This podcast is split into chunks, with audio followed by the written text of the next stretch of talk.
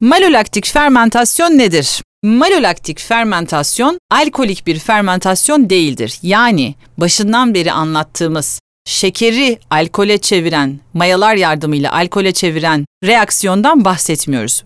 Bu işlem şarapta bittikten sonra özellikle kırmızı şaraplara uyguladığımız bir yöntemdir bu. Bazı beyazlara da uygulanır. Chardonnay özellikle malolaktik fermentasyon uyguladığımız e, şaraplardan bir tanesi.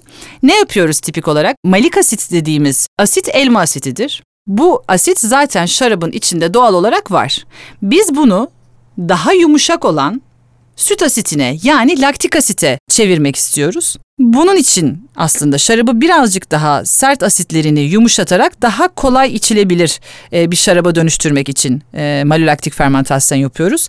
Bu sürecin bir sonucu olarak da ortaya daha böyle süt kokular işte tereyağı gibi, krema gibi bazen hafif peynirimsi de olabiliyor, taze peynirimsi kokular da ortaya çıkabiliyor. Dediğim gibi ağırlıklı olarak kırmızı şaraplara uygulanır ama şardonnay gibi beyaz şaraplarda da karşımıza çıkar.